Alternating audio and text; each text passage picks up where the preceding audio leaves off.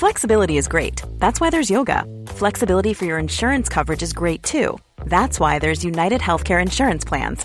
Underwritten by Golden Rule Insurance Company, United Healthcare Insurance Plans offer flexible, budget friendly coverage for medical, vision, dental, and more. One of these plans may be right for you if you're, say, between jobs, coming off your parents' plan, turning a side hustle into a full hustle, or even missed open enrollment.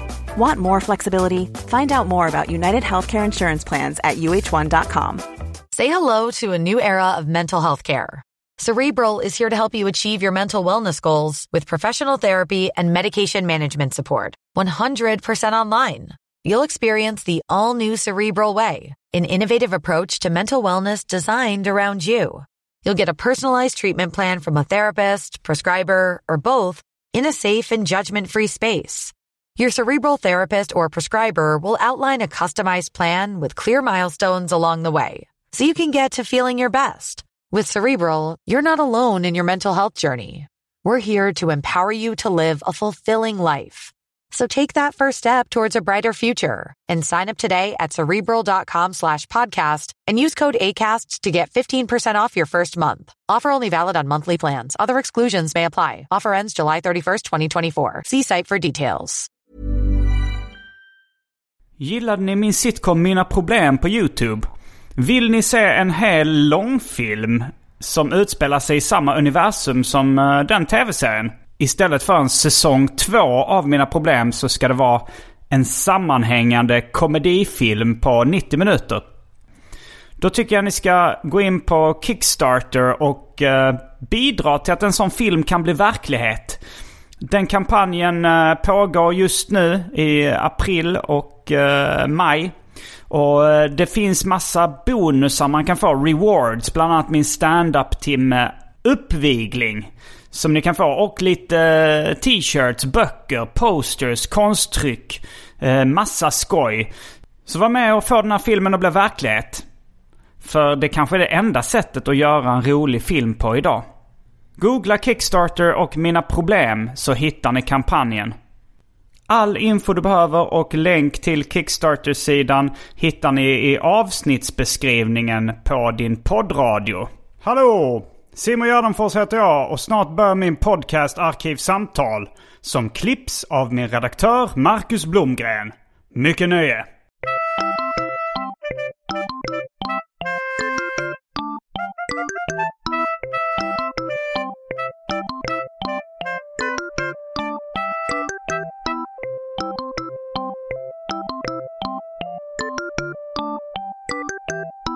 Hej och välkomna till Arkivsamtal. Jag heter Simon Gärdenfors och mitt emot mig sitter Johan Andreasson. Det stämmer bra. Du är eh, bra på eh, kunskap inom tecknade serier. Olika Ja, det, det är väl därför jag blivit eh, hitkallad ett antal gånger. Ja, har vi någon gång pratat om någonting som inte har varit serierelaterat? Ja, det har vi. eller nej, inte, inte, inte som, det, det har alltid någon koppling. Alltså, vi har ju pratat om film, men då var det ju naturligtvis serietecknare på film. Just det, ja. Så det... Eh, ja, någon gång så kanske... Du har även sagt att du har ett intresse för Hawaii-musik. Ja, det stämmer. Kanske någon gång eh, att man skulle prata om det. Det skulle vara kul. Alltså, jag har faktiskt funderat på den idén. Och, alltså, det skulle, hur, har- du, skulle du kunna, kunna liksom göra så? För att jag känner att man måste nästan spela låtar för, och, och snacka runt låtarna. Jag, skulle ha svårt att bara prata utan musik en Ja, timme. det är det som är eventuellt ett problem. Ja. Jag vet inte. Det finns ju en del musikpoddar som klipper in musik. Men, Ja. men blir de granskade i sömmarna så kanske de måste ta bort det eller få böter eller någonting. Jag vet inte hur det funkar riktigt. Nej, jag vet inte heller. Men alltså, det finns ju en, en musikpodd som jag är regelbunden lyssnare till som heter Johns Old Time Radio Show. Och där är Robert Crumb, alltså serietecknaren, regelbunden gäst. Just det, jag har lyssnat lite på den också. Ja, och alltså det, om, om vi skulle göra en Hawaii-podd så skulle, då skulle jag vilja ha så att säga, det formatet. Alltså att man liksom sitter som, vi har ju då inte Robert Crumbs record room, men, Nej. utan man skulle få spela från Spotify eller något. Men man Ja. kunde spela, ja, typ, och, det här var King Ben i Nawahi och det som är så bra med den här inspelningen är, ja, det här och det här. Ja, Och, vi kanske ska ja. göra något specialavsnitt Ja. med, med en sån, eh, med en sån eh, setup. Det hade varit kul att göra någon gång. Jag Ja, har en, absolut. en samling Ja. med Hawaii-skivor på vinyl också. Ah, kul. De har ju ofta väldigt fina omslag. Ja, det, jag gillar det. Jag, Nej, men nu så spelar jag inte så mycket vinyl. Men det finns ju mycket på Spotify. Och så Ja, ja, visst. Mm, men det är inte det vi ska prata om idag. Nej. Utan eh, idag ska vi sätta tänderna i det ganska breda ämnet Walt Disney. Ja, det är som du säger, det är sannoliken ett, ett stort ämne. Och eh, jag, eh, jag har ofta återkommit, för jag har läst en, en tjock eh, Walt Disney-biografi av Neil Gabler. Ja, heter, det, det är ju den mest, den, det är väl den som numera betraktas som standardverket. The Triumph of the American Imagination. Ja. Har någon, som en lite pretentiös undertitel. ja. Men ja, du har också läst den här? ja, det har jag. Ehm, alltså Disney hade ju, alltså ganska länge så var det ju liksom svårt att komma åt vettig information om, om Disney. Alltså framförallt om Disney som, som person. Därför att studion odlade ju den här liksom Ja, han var ju liksom Uncle Walt, alltså den här tre, trevlige farbrorn. Och nå- något annat var det inte tal om. Och det triggade ju då naturligtvis folk. Så att när de skrev böcker så hade de en tendens att bli enormt kritiska. Och försöka hitta liksom mörka sidor hos dem som nog faktiskt inte riktigt finns. Nej, just det. Ehm, Det är ju rätt roligt den här Neil Gabler-biografin. Den kom, eh, vad var det för, en tio år sedan kanske? Ja, jag skulle säga 2006 eller 2007. Okej, lite mer än tio år sedan. Men ja. då, det, den börjar på ett rätt roligt sätt. Det- Den första meningen är, är He was frozen. Alltså han, han blev det. nedfrusen. Och, och sen står det det här är en av de vanligaste myterna Ja. kring Walt Disney. Ja. Och den stämmer inte. Nej. Men det är rätt roligt att börja. Ja. Det är lite som så här, why didn't you burn the tapes? Eh, En sån eh, hård öppning. Ja. Om du har sett Nixon eh, versus Frost. ja, det har jag. Jo. Men ehm, ja, ja är, du, är du... Jag är liksom...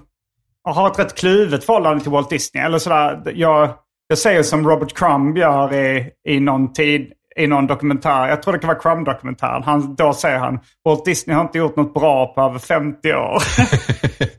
Framförallt har han varit, varit död i över 50 år. Jo, han kanske menade Disney Productions. Ja, Nej, men så, så är det ju så att säga för nästan alla, eh, alltså som inte, för att Alltså det är väl du som brukar säga att den gyllene, vad är det, the golden age of comics inträffar när man är, är det, åtta år eller någonting? Eller, Ja, man, jag tror det är C.C. Beck, Ja. eh, den gamla Shazam-skaparen som, ehm, som har sagt det. Och han, eh, ja, han, han, säger nog, han säger något liknande. Jag kommer inte ihåg vilken ålder det är. Men den, the golden age of comics is when you're 12 years old. Ja. Eller någonting. Men eh, det stämmer inte för mig och Walt Disney. Okej. För att ja. när jag var 12 så var vi liksom Oliver och gänget och, Ah, och sånt på tapeten. Ja, ja. Men jag är mer en Steamboat. Willie-era-fan. liksom. Ja, ja. ja, men då har du så att säga gått eh, direkt till en vuxens perspektiv. För att det brukar vara så att de, de Disney-grejer som liksom folk nämner först, det, det är det som liksom var stort när de var barn. Alltså för mig så var det så att den, den första långfilm jag såg på bio överhuvudtaget var Djungelboken. Och det var, det var ju en väldigt speciell upplevelse. Nu kan jag ju så att säga se, liksom, jag nyktert på den så kan jag ju naturligtvis se att till exempel Pinocchio är en mycket bättre film. Men den här upplevelsen blir liksom kvar på något sätt. Ja, alltså jag, jag gillade väl Djungelboken och eh, ja, men de här Kalanka på julafton. Ja, och precis. alla, liksom, Ja. Jag tyckte kanske inte Oliver... Då var jag kanske lite väl gammal när Oliver och Mm. gänget kom. Men, eh, men, men de här, man fick ju se de här gamla svartvita. Jag tyckte de var eh, snygga redan när jag var barn. Ja, Och roliga liksom. Jo, därför att de, för de allra flesta, alltså tittar man liksom på vad Disney har, har gjort så är det ju så att säga det, det är egentligen en, en, ja, en dryg tioårsperiod, alltså ungefär från Steamboat Willie 1928 och till, ja, säg ungefär 19 Aldrig, alltså innan USA går in i andra världskriget, alltså 1941. Att där, så, de kvalitetsmässigt bästa grejerna kommer från den perioden nästan undantagslöst. Så Hade han börjat med långfilmer då? ja, det hade han. Alltså den första långfilmen, Snövit, kom 37. Så de, de långfilmer som liksom animationsfans brukar gilla, Alltså det, det, det är naturligtvis som bra grejer i alla, men det är liksom fem filmer egentligen som har liksom en speciell eh, plats hos folk som liksom verkligen gillar animation. Och det är Snövit, Pinocchio, Bambi, Fantasia och Dumbo. Okej. Eh, och där, där är det så att där eh, så, alltså de filmerna är helt enkelt gjorda de har verkligen inte haft någon annan tanke än att göra en film som är precis så bra som det överhuvudtaget är möjligt. Att, Alltså Snövit blev ju en enorm ekonomisk framgång och några år efter Snövit så hade studion i princip hur mycket pengar som helst att plöja in i sina filmer. Och det, det var Disney var så att säga, ja, fram till början på 40-talet, det var egentligen det enda han tänkte på. var Hur kan jag liksom utveckla animationen som, mm. som konstart? Eh, och i de här filmerna, så att säga direkt efter eh, eh, Snövit, alltså där sparades alltså inga pengar och ingen möda verkligen. Så att de det är nog filmer som skulle vara, det skulle helt enkelt inte gå att göra dem nu. Alltså dels så finns inte det kunnandet. Då hade han liksom haft folk som han liksom tränat i en, en tioårsperiod. Och eh, jag är ingen vidare på huvudräkning, men tar man liksom de, det är då folk som sitter och gör det här för hand och det finns liksom inte, alltså gjorde man La man ner de arbetstimmarna och avlönade folk så det skulle liksom inte gå att spela in. Det skulle vara kommersiellt omöjligt. Och... Men eh, den gick nog ändå med vinst. Alltså... Alltså det gjorde de fast i det långa loppet. Alltså Snö, ja. Snövit gick med vinst nästan Den blev en stor succé Den blev en enorm, enorm framgång. Över hela världen. ja, omedelbart. Däremot de här senare filmerna, alltså både Pinocchio och Fantasia gick det tog så att säga flera nyreleaser innan de spelade in sina pengar. Mm, mm. Lite mer osäker på Bambi. Dumbo tror jag gick bra. Den var heller inte så dyr att göra. Det var Nej. inte riktigt det som var grejen. Jag tycker det är en, en intressant uh, uh, övergripande grej med Walt Disney. Är liksom hur han hela tiden uh, dubblerar sin, sin framgång på något sätt. Alltså han, han, en av de tidiga grejerna var liksom en Alice i Underlandet-film. Eh, liksom. Det var en av de första han fick någon framgång med. Ja. Och sen eh, med de pengarna så satsade han eh, och gjorde men, Oswald the Lucky Rabbit som blev ganska framgångsrik men som han förlorade rättigheterna till. Och, F och då så gjorde han Musse Pigg som blev en jättestor framgång. Eh, och han tjänade jättemycket pengar på merchandise och sånt där med Musse mm. Pigg. Men och med de pengarna så började han göra långfilmer. Liksom. Han lånade alltid extremt mycket pengar från Bank of America. Ja. eh, och, och liksom, så att liksom alla de pengarna han hade lånade han maxbeloppet han kunde. ja. Och så satsade han då på att göra långfilmer. Och när då eh, långfilmerna blev en succé så satsade han de pengarna och började med, med tv. Delvis för att marknadsföra Disneyland som man skulle ja. starta. Och, eh, och liksom tv tjänar kanske inte så mycket pengar på men det var en väldigt bra reklam. Eh, reklam för Disneyland som också blev en eh, straight flush. Eller hur ja. det uttrycktes i boken. men att det blir, tjänar jättemycket pengar på det. Och sen när han då hade eh, alla de ännu mer pengarna från liksom långfilmer och Disneyland. Då började han planera att göra en stad då liksom. Som skulle vara liksom en Disney-stad. Eh, och, eh, men den, han han röka ihjäl sig ja. på cigaretter innan den blev realiserad. Ja, han, han dog ju ganska ung, Disney. Han var ju bara 65 eh, när han dog. Ja, det är inte jättegammal. Nej, alltså det är bara några år äldre än vad jag är nu. Så, mm, mm. Eh. Men du röker inte eller? Nej, jag röker inte. Inte längre? Jag tror jag har sett dig teckna ja, dig själv med cigg någon jo gång. Då, det, om du sett mig på någon typ seriemässa på 90-talet så, så har du nog sett mig röka. Men det, det är länge sedan. ja. Uh, man, får, måste, man måste lära sig av Walt Disney. nej, nej, men det stämmer verkligen. För att, alltså, för att, så att säga, gå tillbaka till det du började med. Alltså, det finns ju verkligen ett par väldigt så här, seglivade myter om Walt Disney. Den mest seglivade är den här att han skulle ha frusit ner sig när han dog. Mm. Mm. Och den andra är att han skulle varit en lysande affärsman. Och det är ju så att säga, alltså Disney var ju nästan så länge han levde konstant eh, skuldsatt. Alltså han var ju så att säga, alltså Disney var en entreprenör men han, han var ju helt värdelös på, alltså han, han behöll ju aldrig några pengar. Eh, det var sådär som hans, hans fru frågade honom, men du, du är ju Walt Disney, dina filmer spelar in miljoner. Varför mm. har vi aldrig några pengar? Men det är klart, de hade ju pengar. Men alltså, han mm. var inte liksom rik på något sätt, personligen. Nej, han spelade i och för sig hästpolo. Det ja, känns det ganska rikt. ja. Och de hade, väl, de hade väl ganska fint hus. Och, ja, då, och han de. byggde liksom mm. eh, någon slags eh, tågbana i trädgården ja. som var påkostad. ja. Alltså så här modelltågbana då. Och, ja. Jag vet inte om man kunde åka själv i vagnarna. Jo, då, det kunde han. Det finns eh, foton. Alltså det är Eh, alltså det är, det, är sorts, det är modelljärnväg, men det är en ganska stor skala. Mm. Så att han sitter ju liksom han kan liksom inte sitta i förarhytten tror jag riktigt på loket, utan han får sitta vagn. ja, på, på något sätt. Eh, Men det här var också lite förlagan då till Disneyland. För då, då Ja. var det någon gång han inte var så inspirerad på jobbet i allmänhet. Alltså, han, eh, han var mest hemma då och byggde eh, tågbana i sin trädgård. Och sen så blev det liksom, det var, kan ha varit där fröet såddes till att bygga en nöjespark.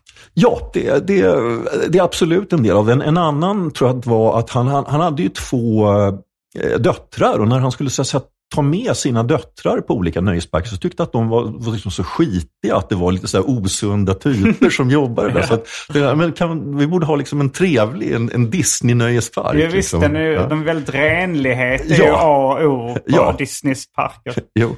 Men, eh, ja, men en annan seglivad myt, om vi ska hoppa tillbaka till det, det är ju både rasism och eh, antisemitism. Ja, det stämmer. Och alltså, antisemitism går ju Gabler verkligen till botten med i sin Mm. bok. Alltså Gabler är, förutsätter jag bara att han själv är, är jude. Neil Eh, Gabler. Ja.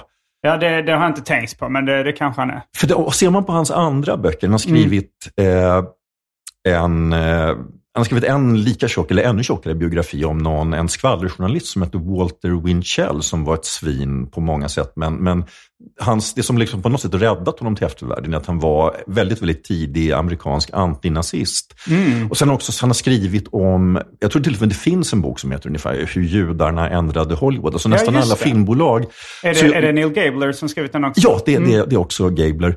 Och alltså Gabler går...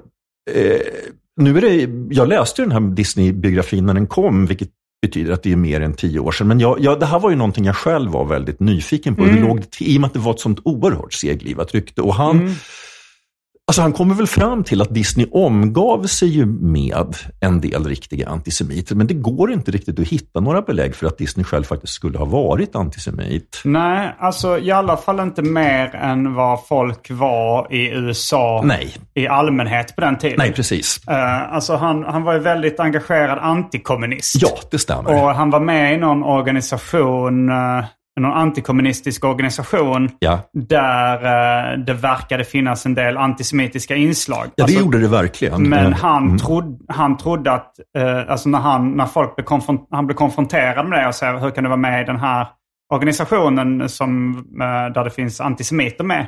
Då så försvarar sig Disney, men det är bara smutskastning av den här organisationen. Det stämmer inte att de är antisemiter. Eh, så han verkade inte vara... Eh, alltså Neil Gabler går igenom då liksom eh, både inom eh, den påstådda rasismen eh, och antisemitismen så går han igenom nästan allt så här, liksom intervjuar folk eh, eller ser så här. Har han sagt någonting eller gjort någonting som då skulle anses vara antisemitiskt eller rasistiskt?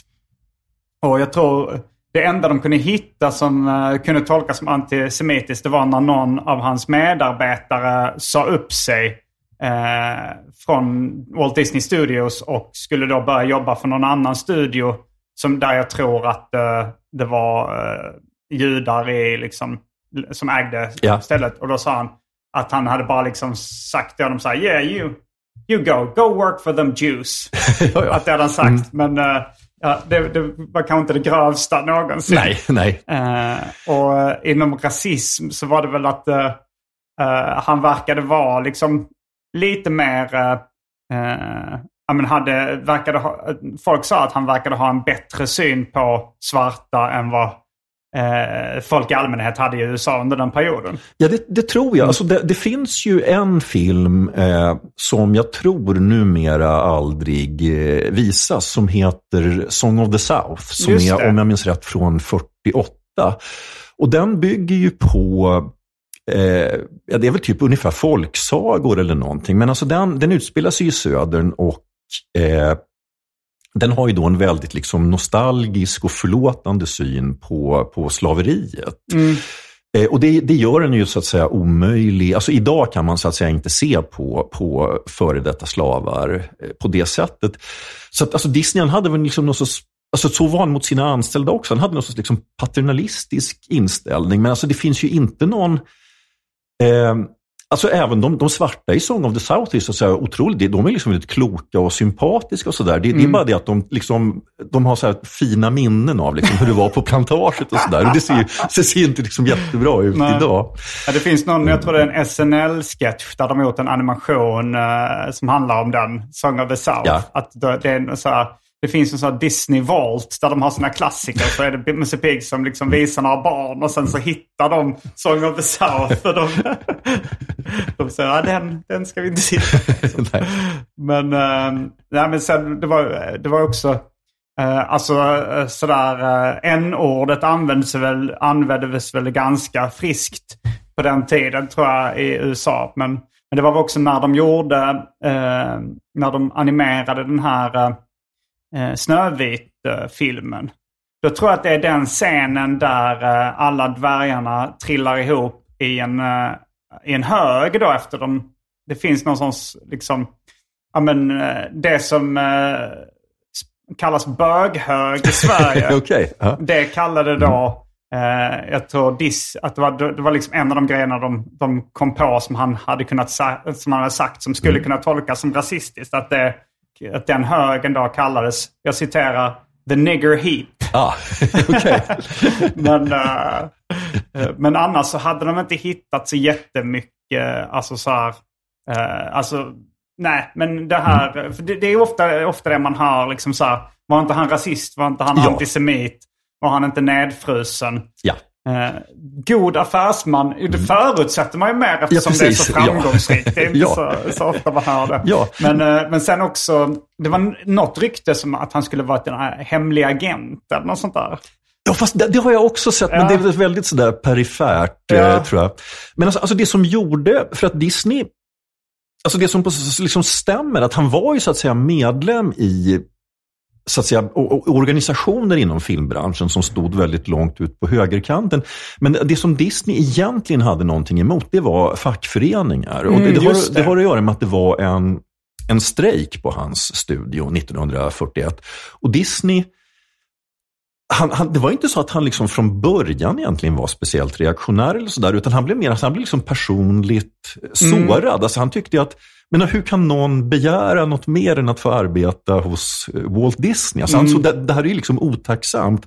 Och han försökte komma på, men hur kan liksom någon tycka att det inte är bra här? Och hans, hans enda svar, det måste vara kommunistinfiltratörer. Alltså, mm, mm. Han kom, liksom, kom, kom, inte på något annat skäl till att någon inte trivdes hos honom.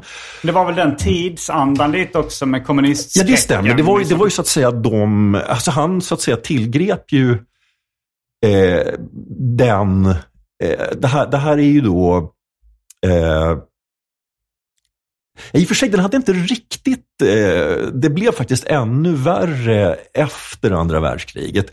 Men det, det, det fanns ju hela tiden i Hollywood eh, någon, någon, sorts rädsla. Alltså i vissa fall då befogat, för det, det, var ju speciellt folk som manusförfattare var ju ofta politiskt på vänsterkanten. Och alltså under 30-talet, det var ju också under depressionen, alltså när mm. så att säga Eh, alltså kapitalismen i USA såg ju faktiskt vara på väg att, att falla ihop. Så det, var, det var mycket folk, speciellt i showbiz, som, som var rätt långt ut på vänsterkanten. Men, och, och, och det här skapade ju liksom friktion då på, på bolagen. Och jag tror att Disney bara liksom Ja, okej, okay, de andra bolagscheferna verkar tycka att kommunisterna är skurkarna, så då är det väl de som ligger bakom. Jag tror, mm. alltså, Disney var liksom inte någon som tänkte Alltså, han var inte speciellt intresserad av politik egentligen. Men, uh, men ja, man minns det där klassiska fotot av uh, Charlie Chaplin när han uh, står på en båt och, läm- och gör något djävulstecken. Han lämnar Hollywood för, för han, är, han har blivit förföljd som kommunist. Ja. Det, men ja, så jo den här strejken, den, den verkade ju ha liksom var något av det värsta som hände Walt Disney. Ja, det stämmer. Alltså han, alltså om, om vi så att säga backar till när vi, då pratar om den här perioden när så att säga nästan alla tycker att han gjorde väldigt eh, bra grejer. Alltså från Steve mot Willie då och fram ungefär. Som var den första eh, taltecknade Ja, det stämmer. Den första animerade filmen med ljud. Och det speciella med den var just att de animerade till musiken. Alltså de animerade liksom på bitet till musiken. Ja. Det gör att de där filmerna är fortfarande rätt... Alltså de ser Ja. väldigt primitiv ut, men alltså det, det är ett jävla Det är drag i dem. Ja, det är ja, otro- de liksom gungar och dansar Ja, ja, till visst, ja, ja. musiken. och Eh, det är bra musik och Ja, ja, bra visst. animation och Ja, snygg jo. design på allting. Jo, så det, det, det, det, sväng, Ja, det ja, svänger om dem verkligen. Eh, men det, det som Disney drabbades Vilket år kom Steamboat Willie? 28. 28. Och det är eh, enligt vissa så är det den första Musse Pigg-tecknade filmen också. Nej, det, det, alltså det, det är inte den första i den ordning de gjordes i alla fall. Nej, för Plain Crazy gjorde först. Ja, och Men jag även- mig att den bara visades på en, för en testpublik och bombade och släpptes aldrig officiellt. Och sen kom Steamboat Willie och sen efter det så släppte, i kölvattnet av succén så släppte de Plain Crazy. Ja, alltså det gjordes tre filmer ungefär de samtidigt. flygplans- Ja, precis. Alltså i, så att säga, i, i det här läget, alltså, då hade ju Disney blivit av med sin figur. Det var en figur han aldrig ägde. Alltså, det var ju då ett misstag han aldrig gjorde om. Att han, han gjorde den här Oswald the Lucky Rabbit som anställd. Och han jobbade då med en, en figur som, eh, om jag minns rätt, distributören ägde. Och vid något tillfälle så, så, så tyckte de då att jag menar, Disney, vad gör han? Han, han ritar ju inget. Och, så att vi, vi, liksom, vi, vi snor hans personal och fortsätter utan honom. Men hade han inte, det fanns inte någon upphovsrätt då liksom? Att han hade skapat figuren? Och... Alltså det, det är nog ganska, alltså upphovsrätt är ju svår med den typen av för för det, det är ofta någon sorts liksom kollektiva skapelser. Och i, i det här fallet så var det så att säga en ren liksom, businessgrej. Att det var den här distributören som o- Var otvetydigt... det Charles Mintz? Eh, Ja, jag har för mig att det var... Att det var För jag vet att det var Mintz eh, som då stal. eh, ja, Och det är väl, det var väl också en del då i den påstådda antisemitismen. Att Charles Mintz var ju jude. Och eh, att Disney hatade honom väldigt mycket då av förklarlig anledning. Ja. Att han snott Ja. hans figur. Ja. Men eh, man måste ju kunna hata någon som är jude ja precis. utan att vara antisemit. Så, Han verkar inte ha uttalat sig så mycket liksom att det hade med hans eh, judiska ursprung nej, det, alltså, det, det, hade, det, hade, det hade ingenting hade med... varit en utan- lågt hängande frukt annars. Ja, det, precis. Ja. Så, men alltså hur som helst så, jo, alltså bara för att reda ut det här med tidsföljden, att de, eh, då, då är så att säga Disney ett läge där han har liksom ingen pågående eh, figur liksom, till, till sina filmer. Så då, då skapar de figuren Musse Pigg. Som ser ut väldigt mycket som Oswald the Lucky Ja. Rabbit fast med kortare öron. Exakt, han är väldigt, väldigt, väldigt lik Oswald. Fast det var extremt många figurer som såg ut ungefär som Musse Ja. Pigg på den tiden. Om man liksom, jag, vet, jag vet inte Mm. vem den... Det sägs att den första figuren som ser ut som Musse Pigg eh, har jag läst i någon tecknad filmhistoriebok. Att det skulle vara någon eh, Farmer Alfalfa eh, av eh, Terry... Eh, nej, han heter Terry i efternamn. Just det, Paul Terry Paul tror jag. Terry, Ja. Eh, han gjorde väl eh, en, en figur om en bondgård då. Som heter Farmer Alfalfa. Och där var det möss som ser ut ganska mycket som Musse Ja. Pigg redan då. Men eh, det går att spåra längre tillbaka. Alltså så här, eh, eh, ja, men Crazy Cat fanns Ja. som tecknad film också. Där han såg lite ut så. Felix Cat kommer jag inte ihåg om det var före eh, Paul Terry eller om det var efter. Men Eh, han, osäker. Han, han, ser, väldigt, han ser ganska Ja. mycket ut som Musse Pigg det, det, fanns, det fanns många... många Det var tidens anda. Ja, precis. Eh, men då, de, han kände sig i alla fall liksom så pass säker på sin sak så att han gjorde, de producerade tre filmer utan att ha distribution för dem. Och det, var- det var då dels alltså Plain Crazy, sen en som heter Galloping Gaucho där han är, ja, någon sorts gaucho då i, alltså argen- argentinsk cowboy och Steamboat Willie. Eh, och den filmen, alltså i, i den ordning de görs så är Steamboat Willie den tredje. Och det är den filmen där de så att säga bestämmer sig för att testa med eh, ljud. Eh, Men hade Galopperande Gaucho premiär för en publik innan Steamboat Willie? Alltså inte något som gjorde något avtryck i alla fall. Alltså det kan ha varit så att lite folk har sett dem eller, eller så, så hade den det, det inte alls. Men alltså det, det som hade så att säga, någon form av betydelse som liksom blev starten för Musse Pigg som, som en populär figur, det var ju, så att säga, det var ju när den här eh, eh, Steamboat Willie då med, med liksom rörelser i takt till musiken. Alltså det var det som gjorde det. Så att på det sättet, det är liksom helt rimligt att betrakta det som ursprunget, liksom början på, på Musse Pigg. Eh, Jag tänkte på det, eh, vi har snackat om att, eh, eh, att du har varit här eh, när det handlat om tecknade serier. ja.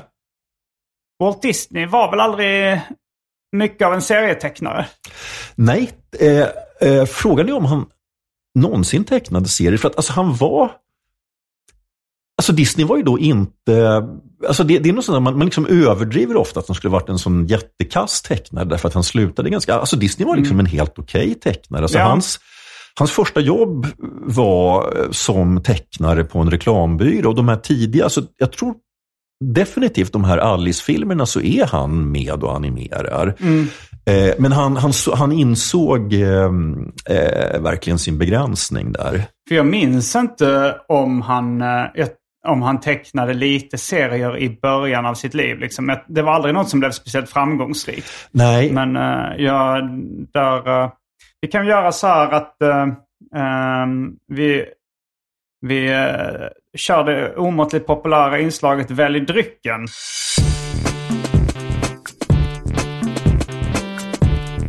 Jag tror vi börjar med det fasta inslaget Välj drycken.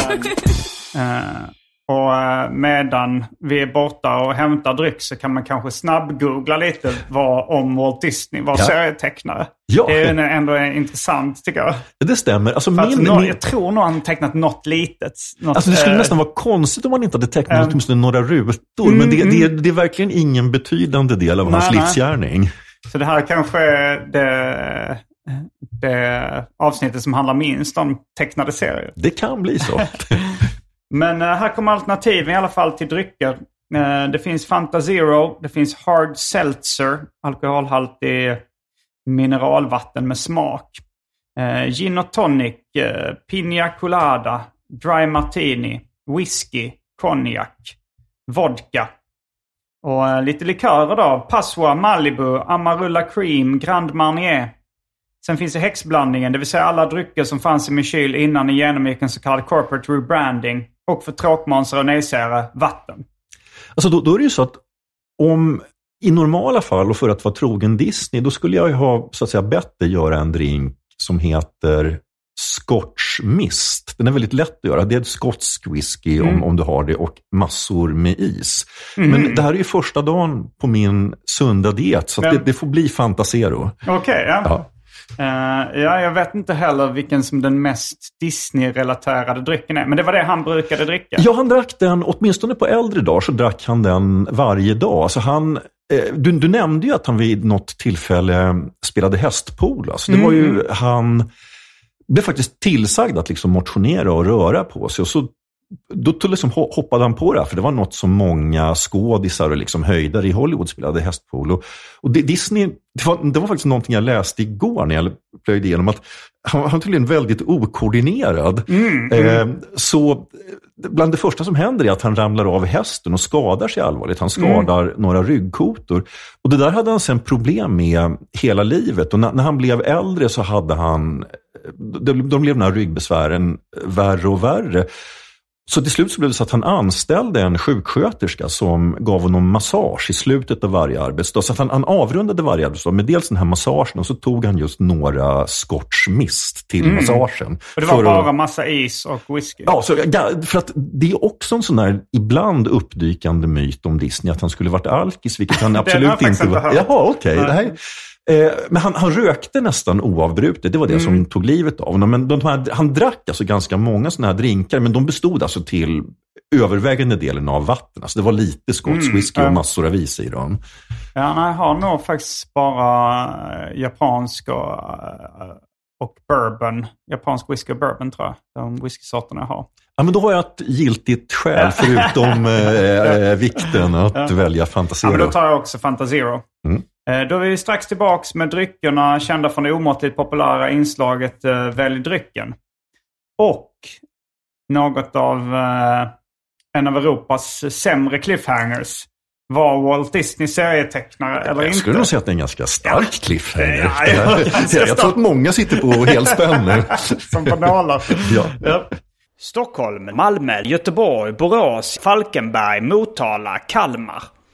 Det är några av ställena jag kommer till och kör stand-up. Jag och Anton Magnusson vi gör några extra föreställningar med vår turné Uppvigling och förledande av ungdom. Och det är sista chansen att se den nu. De brukar ju sälja slut ibland och folk brukar bli lite bittra när de missat showerna. Så gå in redan nu på gardenforce.com och köp biljetter till de showerna ni vill se. Hey everyone, I've been on the go recently Phoenix, Kansas City, Chicago. If you're like me and have a home but aren't always at home, you have an Airbnb. Hosting your home or a spare room is a very practical side hustle. If you live in a big game town, you can Airbnb your place for fans to stay in. Your home might be worth more than you think. Find out how much at airbnb.com/slash host. Head over to Hulu this March, where our new shows and movies will keep you streaming all month long. Catch the acclaimed movie All of Us Strangers, starring Paul Mescal and Andrew Scott. Stream the new Hulu original limited series We Were the Lucky Ones with Joey King and Logan Lerman. And don't forget about Grey's Anatomy. Every Grey's episode ever is now streaming on Hulu. So, what are you waiting for? Go stream something new on Hulu. Ready to pop the question? The jewelers at BlueNile.com have got sparkle down to a science with beautiful lab grown diamonds worthy of your most brilliant moments. Their lab grown diamonds are independently graded and guaranteed identical to natural diamonds, and they're ready to ship to your door. Go to BlueNile.com and use promo code LISTEN to get $50 off your purchase of $500 or more. That's code LISTEN at BlueNile.com for $50 off. BlueNile.com code LISTEN. Ehm, då är vi strax tillbaka med dryckerna. Häng med!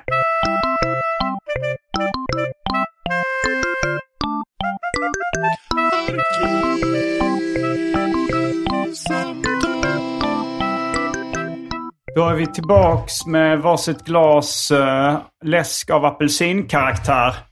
Och vi ska även rycka bort skynket från en av Europas många helt okej cliffhangers. ja. Då, då gick vi, med, medan Simon var och hämtade Fantasero så gick jag till det här väldigt eh, grundliga, det är en belgisk sajt som heter Lambic som är en Som en sorts... serieaffär som jag varit i, Ja, i Holland. i, i Amsterdam va? Som är en väldigt fin seriebutik Ja, också. Eh, och enligt den sajten som brukar vara en trovärdig källa så tecknade Disney en serie som hette Mr. George's Wife. Och vi, eller Simon hittade en, en, det är synd att ni läsare missade det, för att då, då hade ni fått ett Disney-skämt uppläst av en professionell komiker. Det handlar om, det handlar om hembränt. Alltså serien är gjord på 20-talet under förbudstiden. Det är en kille som eh, köper, eller en gubbe då, som köper en eh, flaska hembränt av någon snubbe på stan. Och sen så eh, kommer han hem och börjar dricka den samtidigt som hans fru läser upp eh, nyheten om att folk har dött. Och, han tycker, och sen dör han själv då. Mm. Eller ja, jag vet inte om, man, om det var den sista. Georges Hon kanske är kvar då, frun. Men George dog. Ja, det kan... Alltså, du har helt enkelt skapat en ännu starkare cliffhanger. Det här får man... Lever George i Ja. Georges wife. Men ha- hade det här skämtet platsat i din akt? Eller hade du så att säga... Jag hade nog fått formulera det lite annorlunda. Okej. Ja. Eh, men, eh, men jag tyckte han tecknade ganska snyggt. Ja, det alltså, gjorde Jag tyckte det såg så bra ut. Om Ja. ni är nyfikna så googla. Ja, Walt Disney Dis- Comics uh, Lambi, Lambiek. Eller vad det stavas. ja. Eh, och uh, George's Wife kanske man också för, Ja. för det. Mm. Jo, så han var ju tecknare. Mm. Men eh, det är nästan konstigt att vi har, um, har det gått 34 minuter av inspelning utan att vi har nämnt uh, Ub Iworks. Japp. Som väl var den som... Eh, alltså nu har vi ju så att säga konstaterat att skillnaden mellan eh, Musse Pigg och ett antal tidigare tecknade figurer är rätt eh, marginell. Men den som så att säga designade den eh, eh, Musse Pigg man ser i de här tidiga filmerna, det var ju inte Disney, utan det var ju just Ab, Ab, Iworks. Som Fast var en... under då Walt Disneys uh, övervakande. Ja, ja, att han säger så här, men lite större öron, lite Ja, mer så. precis. Mm. Ja. Och enligt åtminstone en del källor så ska det vara Disneys fru Lilian som hittade på namnet Mickey. Mm. Ehm, det, alltså det finns ju naturligtvis mycket mytbildning eh, kring det här. Och så i, i många, många år så var ju den officiella versionen att det var Disney själv som eh, liksom skapade eh, figuren Musse Pigg på tåget. Alltså han ska ha varit då på det här mötet med distributören Charles Mintz, där han blir informerad om att han inte längre... De har tagit produktionen av Oswald ifrån honom och så sitter han då eh, på ett tåg, jag, jag tror att det är från Chicago till Los Angeles, som är en väldigt lång tågresa. Och, och, och då ska han så att säga ha kommit på Musse Pigg. Men det, det här är så att säga rent eh, påhitt. Eh, och i nyare dokumentärer så görs det ju så att säga ingen som helst hemlighet av att det var Abba Iwerks som gjorde de första teckningarna på, på Musse Pigg. Eh, Men uh, var var det han hittade på den? Var det hemma? Eh, alltså vad var, det, vad var det Walt Disney bestämde sig för att göra en mus istället för en kanin? Eh, alltså förmodligen på eh, filmstudion. ja. Eh, för det, det var ju också en, en sak som... Eh, alltså när då till slut den här väldigt eh, grundliga Disney-biografin skrevs, så det var ju då många som hade liksom hoppats att det skulle komma fram liksom mörka hemligheter om Disney. Men, men det, det visar sig ju att för att Disney, den likheten hade han faktiskt med Nixon, att han, han ansåg sig vara en väldigt historiskt betydelsefull person och dokumenterade i princip allt han gjorde. Eh, men så var det ju dessutom så att Disney var extrem arbetsnarkoman. Alltså i princip det enda han gjorde hela sitt liv var att jobba. Han var alltid på studion. Så det... Ska man titta... Lite, lite hästpolo. Ja, lite hästpolo, men han ramlade rätt snabbt av hästen. så, eh, Men det, det är intressant också. Det finns... Alltså Neil Gabler, när, när jag rekommenderade den här boken till min storebrorsa, då sa han att det finns två olika biograf- Disney-biografier av Neil Gabler. Jag vet inte vad den andra... eh, Jag sa ju då, men köp den som jag har läst, The Triumph of the American Imagination. Men jag trodde att han skrev en till. Jag vet inte om det var en uppdaterad version eller om han skrev en till och fick med ännu mer grejer. Alltså jag har nästan svårt att tro att han skulle skriva en där han tog med ännu mer. För att om, om, om Gablers bok har någon brist så är den att den är nästan lite för komplett. Att det är väldigt mycket liksom genomgångar av olika kontrakt och sånt där. Jo, det, det här börjar med f- em, farfars far. Ja. Alltså, så tre, de, de börjar med liksom morföräldrarna på båda sidorna. Ja. Och sen så, så tar det rätt lång tid att komma igång. Ja, Men, eh, men om vi ska ta lite historieskrivning. Alltså så här, jag har glömt vilken stad han eh, föddes han i. föddes i Chicago. I Chicago. Ja. Eh, Jag tänkte bara, för att jag, jag har så att säga en, en, du får fråga din brorsa om det här, men jag har en gissning vilket, vilken den andra boken skulle kunna vara. Och det är så att, så vitt jag vet så finns det bara en biografi av Neil Gabler. Däremot så är det så att det, det råkade bli så att nästan exakt samtidigt så kom en annan, också väldigt bra Disney-biografi av en animationshistoriker som heter Mike Barrier. Eh, och de, alltså böckerna kompletterar verkligen varandra för att Gabler, han, han är så att säga, det är verkligen liksom personen eh, Disney. Ja. Medan eh, Barrier eh, fokuserar så att säga mer på, på verket. Okej. ja. Eh, nej men då, jag, ska- jag ska kolla upp det, men jag tror att det rör sig om en... Det kan ha varit en kompletterad version eller någonting. Ja, alltså för att jag skulle säga att om... Jag hoppas att han inte gjorde en med ännu mer fakta, utan om han gjorde Då måste något du så... läsa den också. ja, precis så. Utan det rimliga skulle vara att, så att säga, banta faktamängden en smula. Men, Jaha, ja, jag vet faktiskt inte. ja. Eh, men, eh, men han föddes i Chicago. Växte han inte upp i en, en lite mindre ort som han sen liksom romantiserade väldigt mycket? Jo, alltså han, han föddes i Chicago och hans... Alltså Dis- Disney hade ju ett väldigt... Eller jag ska- det, det var nog inte ett komplicerat förhållande till sin pappa. Det var nog snarare så att han i princip hatade sin pappa. Men alltså hans farsa var... Alltså som Disney, en entreprenör, men en väldigt misslyckad entreprenör. Så att han startade hela tiden olika affärsverksamheter, vilket gjorde att familjen flyttade ganska ofta. Och Att I Chicago så fick Disney från det att han var 8-9 år, då ägde farsan, han hade något litet företag som, eh, ja, de administrerade utdelning av tidningar till prenumeranter. Mm. Så där fick liksom Disney göra som barn. Alltså Chicago har ju fruktansvärda vintrar, så Disney var liksom uppe vid 3-4 tiden på morgonen innan han gick till skolan. Och så fick han då ta liksom ett Pappan hade fem barn, de var fyra bröder och en syster. Och åtminstone Disney och hans brorsa Roy, som han sen startade studion med, de skickade farsan iväg och, och, och fick dela ut eh, tidningar.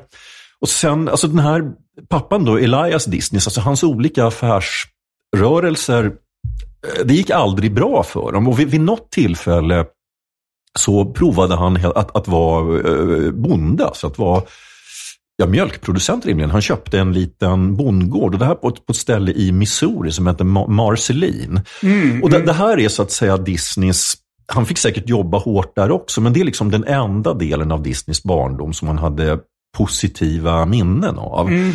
Eh, alltså enda delen av hans barndom när han lite grann i alla fall fick vara ett barn och inte, inte bara jobba. Och för folk som gör lite så här liksom psykologiserande tolkningar av Disney, de, de, då, då brukar man ju säga att han liksom hela sitt liv försökte återskapa den här liksom... Marceline. Ja, alltså den, den här liksom lilla, lilla skärvan av en lycklig barndom ville mm, han liksom ja. eh, göra. Och det, jag kan nog tänka mig att det ligger någonting i det. Alltså det. Det är även så att när han byggde sina nöjesparker, så det här som i, åtminstone den som ligger i eh, utanför Los Angeles. Som Anaheim. Är, Anaheim, alltså Disneyland. Det som där heter Main Street USA är, väldigt, är misstänkt lik hur Main Street i Marceline såg ut. Ah, så um, att det, var, det var absolut så att det här var någonting han bar med sig. Hans Rosebud. Ja, lite grann. Mm. Nej, men, uh, men det, och det är ju det här liksom uh, lantliga amerikanska idyllen ja. som återkommer rätt mycket i i hans filmer och så också. Ja, det är det. Alltså han, han var ju så att säga från the Midwest. Alltså han mm. eh, föddes i Chicago, eh, växte delvis upp i Missouri. När, när han så att säga själv han lyckades ju faktiskt bli, alltså inte soldat, men ambulansförare precis i slutet på första världskriget. Han bluffade om sin ålder och han, jag tror han var 16 då, men eh, kom i alla fall iväg till, till Frankrike och körde lite ambulans. Och sen när han kommer tillbaka så flyttar han till Kansas City, alltså också i mellanvästern, där alla av hans bröder bor. Och det är där han, så att säga, det är där han lär känna Ab Iwerks. Och det är där han först började jobba på den här lilla reklambyrån och sen så startade han sina liksom första egna små filmbolag. Så att de gör... Är det inte där Carl Stalling bor också? Alltså, det som kan gjorde musiken? tänka mig. Jag för mig att, uh, att det var så här, att det kändes som att det var väldigt mycket uh, talang som samlades där. Liksom då att Up Iworks var en av de bästa tecknarna och animatörerna. Eh, Walt Disney var liksom en av de bästa visionärerna liksom, konstnärligt och, uh, och Carl Stalling var en av de bästa liksom, filmmusikerna genom tiderna. Jo men alltså, alltså Kansas City det var ju liksom väldigt så här, dynamisk stad. Alltså den... Crumb bodde väl där ett tag också? Det kan jag tänka mig. Han, han bodde också... i Kansas i alla fall. Ja, han, han har ju flyttat runt en hel del. Men alltså Kansas... Eller blandar ihop med Cleveland nu. Jo, det är, um, Trump bodde i Cleveland, det stämmer. Men alltså just den här... Alltså det är nog verkligen ingen slump att Disney gjorde en seriestripp som handlar om, om bootleggers. För att alltså, Kansas City var så att säga lite av en gangsterstad. Det var i Chicago också. Ja, precis. Eh, och det, det kretsade ju då kring den här illegala alkoholen. Det, det gjorde också att det, där, det finns mycket gangster så blir det ofta, alltså uppstår mycket liksom underhållning av olika slag. Så det var en stor Alltså, många jazzmusiker är berömda, men jazzmusiker kom, alltså Charlie Parker kom från Kansas City till exempel. Mm. Eh, det var mycket stand-up som, eh, som också var liksom en maffiaunderhållning mm. från början. Eh, ja, men det är intressant. Eh, men eh, så ja, han startade den här liksom, eh, är det då i Kansas City som han, han, eh, han startar sin första animationsstudio? Ja, det är som det. går så eh, extremt dåligt ekonomiskt. Ja, det stämmer. att han lånar pengar. Uh, han har alltid varit väldigt inne på att låna pengar. ja. Även när han blev rik. Jo, det men, stämmer. men att han började ja. låna liksom sådär och, och liksom uh, åt gratis på restaurangen nära och sa att ni får tillbaka pengarna någon gång. Liksom. Och, och sen till slut så hade han så mycket skulder att han kände att han var tvungen att fly i stan. Ja, alltså, för, alltså Disney hade ju Alltså en, en sak eh, som man, alltså dels hade han, som du säger, att han, han var verkligen en, en visionär. Alltså han liksom verkligen bubblade över av eh, idéer. Och, men han var också en person som så säga, gick väldigt snabbt från tanke till handling. Att hade han en, en, en idé så skulle den förverkligas. Eh, så att han, han spenderade alltid mer pengar än han hade. Och han, han hade också han hade en förmåga att entusiasmera folk runt mm. omkring sig. Och så länge han liksom jobbade i liten skala, alltså han började med att jobba tillsammans med folk som antingen var hans kompisar eller som blev hans kompisar. Och på det sättet så, så växte verksamheten eh, under hela 30-talet. Men när studion blev så stor då att de var tvungna att liksom anställa en massa folk. Det var, det var egentligen när de började göra långfilmer det blev på det sättet de här anställda, de liksom hade ju inte känt Disney i Kansas City när han var helt pank och måste äta på krita och sådär, utan de ville ju ha reglerade arbetstider och lön. Mm, och, och, det mm. var ju då Disney började hata fackföreningar. För han, vad är det här förräderiet? Alltså, mm. Alltså, alla i alla år har ju liksom alltid eh, ställt upp. Va, va, ja. va, vad är det som har hänt nu? Det... Han var van vid att slå mer underläge på något sätt. Ja, precis. Alltså, han, eh, och han, han, liksom, han uppfattade sig som eh, någon sorts blandning av pappa och kom. Alltså de anställda skulle kalla honom Walt. Alltså man fick mm. inte säga Mr Disney. Nej. Uh, Uncle Walt blev också Ja, det var väl sen när han gjorde tv-program ja. då, när det var mycket liksom barn, både liksom i programmen och även han talade liksom till barn i ja. publiken. Han, ja, han blev ändå någon form av tv-personlighet då tidigt jo då. i tvns uh, vagga. Uh, att han, han presenterade programmet ja. och verkade ha liksom talang för det också. Ja, det, det, hade, han, det hade han verkligen. Alltså han, han var ju någon sorts eh, eh, showman får man säga. Alltså det finns ju bilder på Disney från när de har eh, manuskonferenser. Eh, och han, Alltså det var ju i nästan, till slut så fick han ju anlita någon, men nästan alltid när man ser en Musse Pig-film så är det ju Disney som gör Musse Pigs röst. Mm. Eh, och när man ser bilder på sådana här manusmöten så att han, det var inte så att han liksom satt och beskrev eller delade ut något eh, memo liksom om hur det skulle vara. Utan Disney spelade upp hela filmen. Han gjorde liksom mm. alla rollerna, han gjorde alla rösterna. Och Det finns alltså otroligt roliga foton. Alltså han alltså man, man ser liksom att han är typ, ja vad han nu blev, den här Gepetto eller mm. häxan i Snövit eller någonting. Så att han har förmodligen blivit en, en, en bra skådespelare. Alltså han, han levde sig in han levde sig in liksom fullständigt i, alltså speciellt under de här liksom riktigt kreativa åren när han verkligen levde för att göra tecknad film. Då, då levde han sig in i filmerna eh, totalt. Eh, mm. eh, jag tänkte på det också. Han, eh, när, han, när han blev eh, rik sen, eller när det blev framgångsrikt, då betalade han tillbaks alla de skulder han hade från Kansas City. Eh, men han lånade inte ut pengar till vänner och släktingar och sådär. Då han sa, nej alla mina pengar de går in i företaget igen.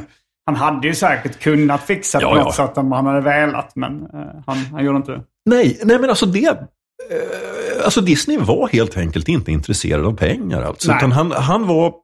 Alltså Disney var intresserad av sina idéer. Alltså han hade en massa idéer och, och de ville han så att säga, eh, alla måste få ta del av mina idéer ja. och på ett så perfekt sätt som möjligt. Det, det var liksom hela hans grej. Ja, ja men det, det var ett av de mest intressanta kapitlen i den här Neil Gabler-boken. Det tyckte jag var där de skulle gå igenom vad var egentligen Disneys talang? Vad var det egentligen han var bra mm. på?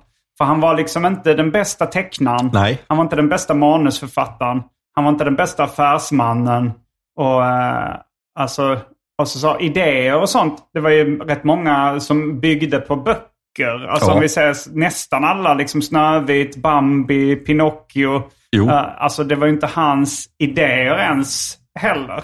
Men att han var, han var ju en bra visionär vilket är, eh, vilket är väldigt eh, abstrakt att vara bra Ja, det stämmer. På. Alltså ska man ta en konkret grej som han verkligen var bra på så Alltså han var ju en, eller ja, för att ta amerikansk, alltså han, han, hans styrka var att han var väldigt bra story editor. Alltså han kunde liksom titta på ett manus eller på ett mm. råd för att, eh, alltså det är också någonting som han då väldigt ofta framförallt senare fick eh, kritik för. Alltså att när man säger att man disneyfierar någonting så är det ju så att säga ofta en nedsättande. Alltså att man, har mm, liksom, mm, man gör det gulligare. Man gör det gulligare och sådär.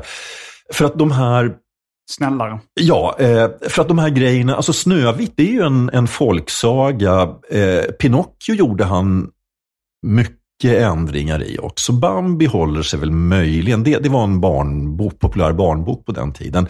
Men alltså Disney, så att han, han gjorde ju verkligen, alltså när eh, när någonting liksom kom från Disney-studion, då är det ju verkligen Disney-versionen. Han har ju verkligen stöpt om det liksom en, mm. efter sitt eh, temperament, eller hur, hur han vill att det ska vara. Eh, så, och sen, alltså det var ju så att säga hans ena begåvning. Och sen, den, hans andra begåvning var att han var också eh, otroligt bra på att hitta folk att se folks begåvning, att så att mm. säga se vem han skulle anlita till vilket jobb. Och det, det, var, det var inte så att han liksom köpte färdig talang från andra filmbolag, utan han, han kunde liksom upptäcka så att ah, men du passar nog för det här och du passar. Och det var ofta saker som de själva inte riktigt hade haft någon tanke på. Att, mm. alltså jag satt, när jag satt hemma och läste lite om Disney igår, så nu har jag tyvärr glömt namnet på honom, men det var då när han skulle börja med eh, tv. Och det är då dels ett exempel på att han är någon sorts visionär. För att nästan alla de stora filmbolagen var ju så att säga aktivt fientliga mot tv. Att de såg tv som någonting som tog tittare från deras biofilmer. Mm. Medan Disney förstod direkt att det, här var ju så att säga den bästa reklam han kunde få. Mm. Eh, och han, rent konkret så började han göra tv för att just alltså, finansiera nöjesparkerna. Men, men det var ju också lite grann faktiskt som det här julprogrammet på svensk tv fortfarande funkar. Att han ungefär vart fjärde år så kunde han ju liksom nylansera sina tecknade långfilmer. Alltså de hade en mm. enormt lång livslängd och det var ju den här tv-programmet en fantastisk kanal för. Men när han då skulle eh, anställa en tv-producent så, eh, alltså tv var ju verkligen i sin barndom då. Då hittade han någon på sin studio som han tyckte att ja, men du passar som, som tv-producent. Men jag har, inte, jag har ingen aning om vad en tv-producent gör. Ah, det, det har ingen annan heller. Nej, men han var också väldigt bra på att, att göra, att liksom utveckla saker på att göra dem bättre och bättre. Att ja. han nöjde sig inte liksom. Så han nu, nu gör jag den första eh, tecknade långfilmen i, i USA. Och, eh, och, då, och liksom, han var tidig med liksom det här. Nu ska, han la ju på ljud då på Steamboat Willie och gjorde det. Men också så att eh, man kan tycka så här, det här är bra nog. Men han, han ville ändå göra det ännu bättre. Så här, men nu ska vi göra någon slags 3D-liknande effekt där vi lägger glasskivor med vissa teckningar och glasskivor längre bak så det blir någon slags djup i bilden. Liksom. Och så, så, sådana uppfinningar kom han med liksom, och försökte hela tiden så här, eh, ja, men, om man ska känna att nu är vi bäst i branschen. Så räcker inte det för honom. Du måste ändå säga vi måste göra det ännu bättre. Ja, liksom. Man verkligen eh, pushade fram gränsen för hur bra det kunde bli. Alltså han hade verkligen den ambitionen. Ja, det, det, det stämmer. Alltså han hade han hade ju väldigt, väldigt... Jag, jag, vet inte exakt hur tidigt han, han kom fram till att han faktiskt ville göra eh, långfilmer. Men han var så att säga helt på det klara med att han ville utveckla Eh, alltså tecknad film när Disney började med den någon gång i mitten på 20-talet. Alltså det, det är liksom rätt sådär primitiva grejer. Och Disney ville utveckla det mot, alltså kanske inte, alltså realism är kanske fel ord, men han, han ville att det skulle liksom kännas så verkligt som möjligt. Mm. Alltså han vill ha ljud, han var väldigt tidig. Han, han gjorde faktiskt inte den allra första tecknade filmen i färg, men han var väldigt tidig med färg. Mm. Och han hade också... Och det var inte den första tecknade långfilmen heller. Nej, det stämmer. Jag sa Amerika, ja. men det var ju någon eh, från Sydamerika. Ja. Argentina tror jag, ja, den som brann upp ja. den tecknade filmen. Jo. Eh, men han, han var... Han tyckte om att gå in i någonting som var väldigt nytt och, och utveckla det. Och han, han var så att säga... Då han blev liksom besatt av det. Så att då, det var så att säga verkligen eh, att, alltså pengarna var så att säga, de, de, var bara till för att göra filmerna bättre. Mm.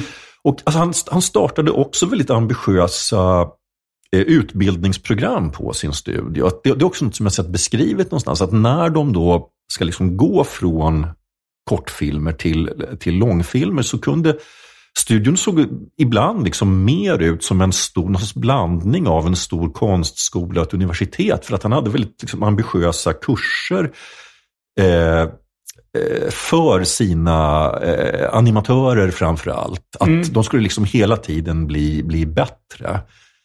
Eh, och alltså, även det här med hur han använde färg var, var intressant. För att Disney, om jag minns rätt, så hade han några år ensamrätt på den här Technicolor-processen. Och det är de här starka men väldigt liksom eh, ja, alltså onaturalistiska färgerna.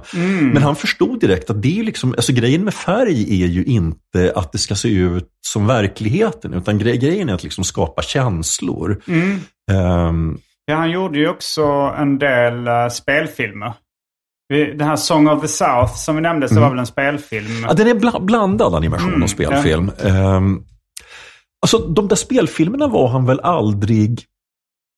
Han var aldrig lika intresserad av dem. Alltså den, den första spelfilmen de gjorde eh, bygg, och byggde också på en populär bok på eh, Skattkammarön. Mm. Och den, den gjordes faktiskt, tror jag, till rätt stor del av skattetekniska skäl. Att eh, han hade en massa pengar infrusna i England. Det här är strax efter andra världskriget. Och pengarna fick inte... Alltså England var ju otroligt liksom hårt åtgånget av eh, hela krigsinsatsen. Och Landet var liksom helt sönderbombat.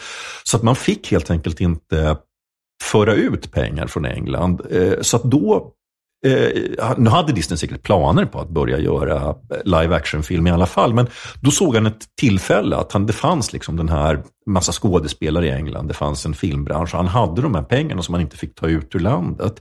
Så den, den första spelfilmen gjorde han med pengar som han hade, som han hade infrusna i England.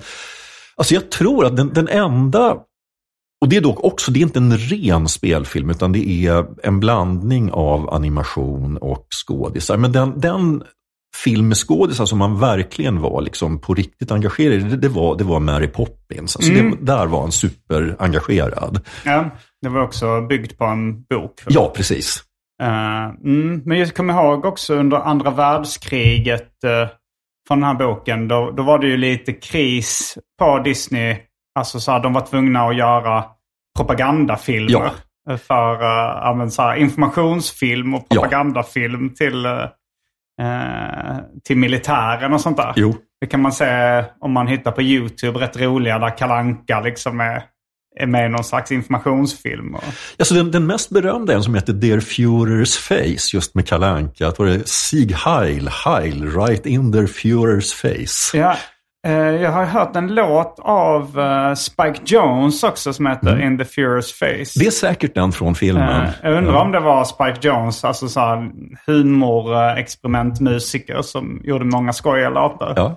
Men jag undrar om det, om det har med, med det att göra. Det har det rimligtvis. Eh, Eh, ja, Kalanka har vi nämnt eh, ganska lite också. Ja. Han är ju, alltså så- det är ju rätt många som i Sverige specif- specifikt som eh, skulle liksom eh, sätta likhetstecken mellan Disney och Kalanka. Eller liksom det är det första man tänker på i alla fall. ja, det stämmer. Men i, i USA så är inte Kalanka en symbol för Disney på samma sätt. Nej, alltså i USA så är det ju och har alltid varit eh, Musse Pigg som är symbolen för, Mm. för Disney.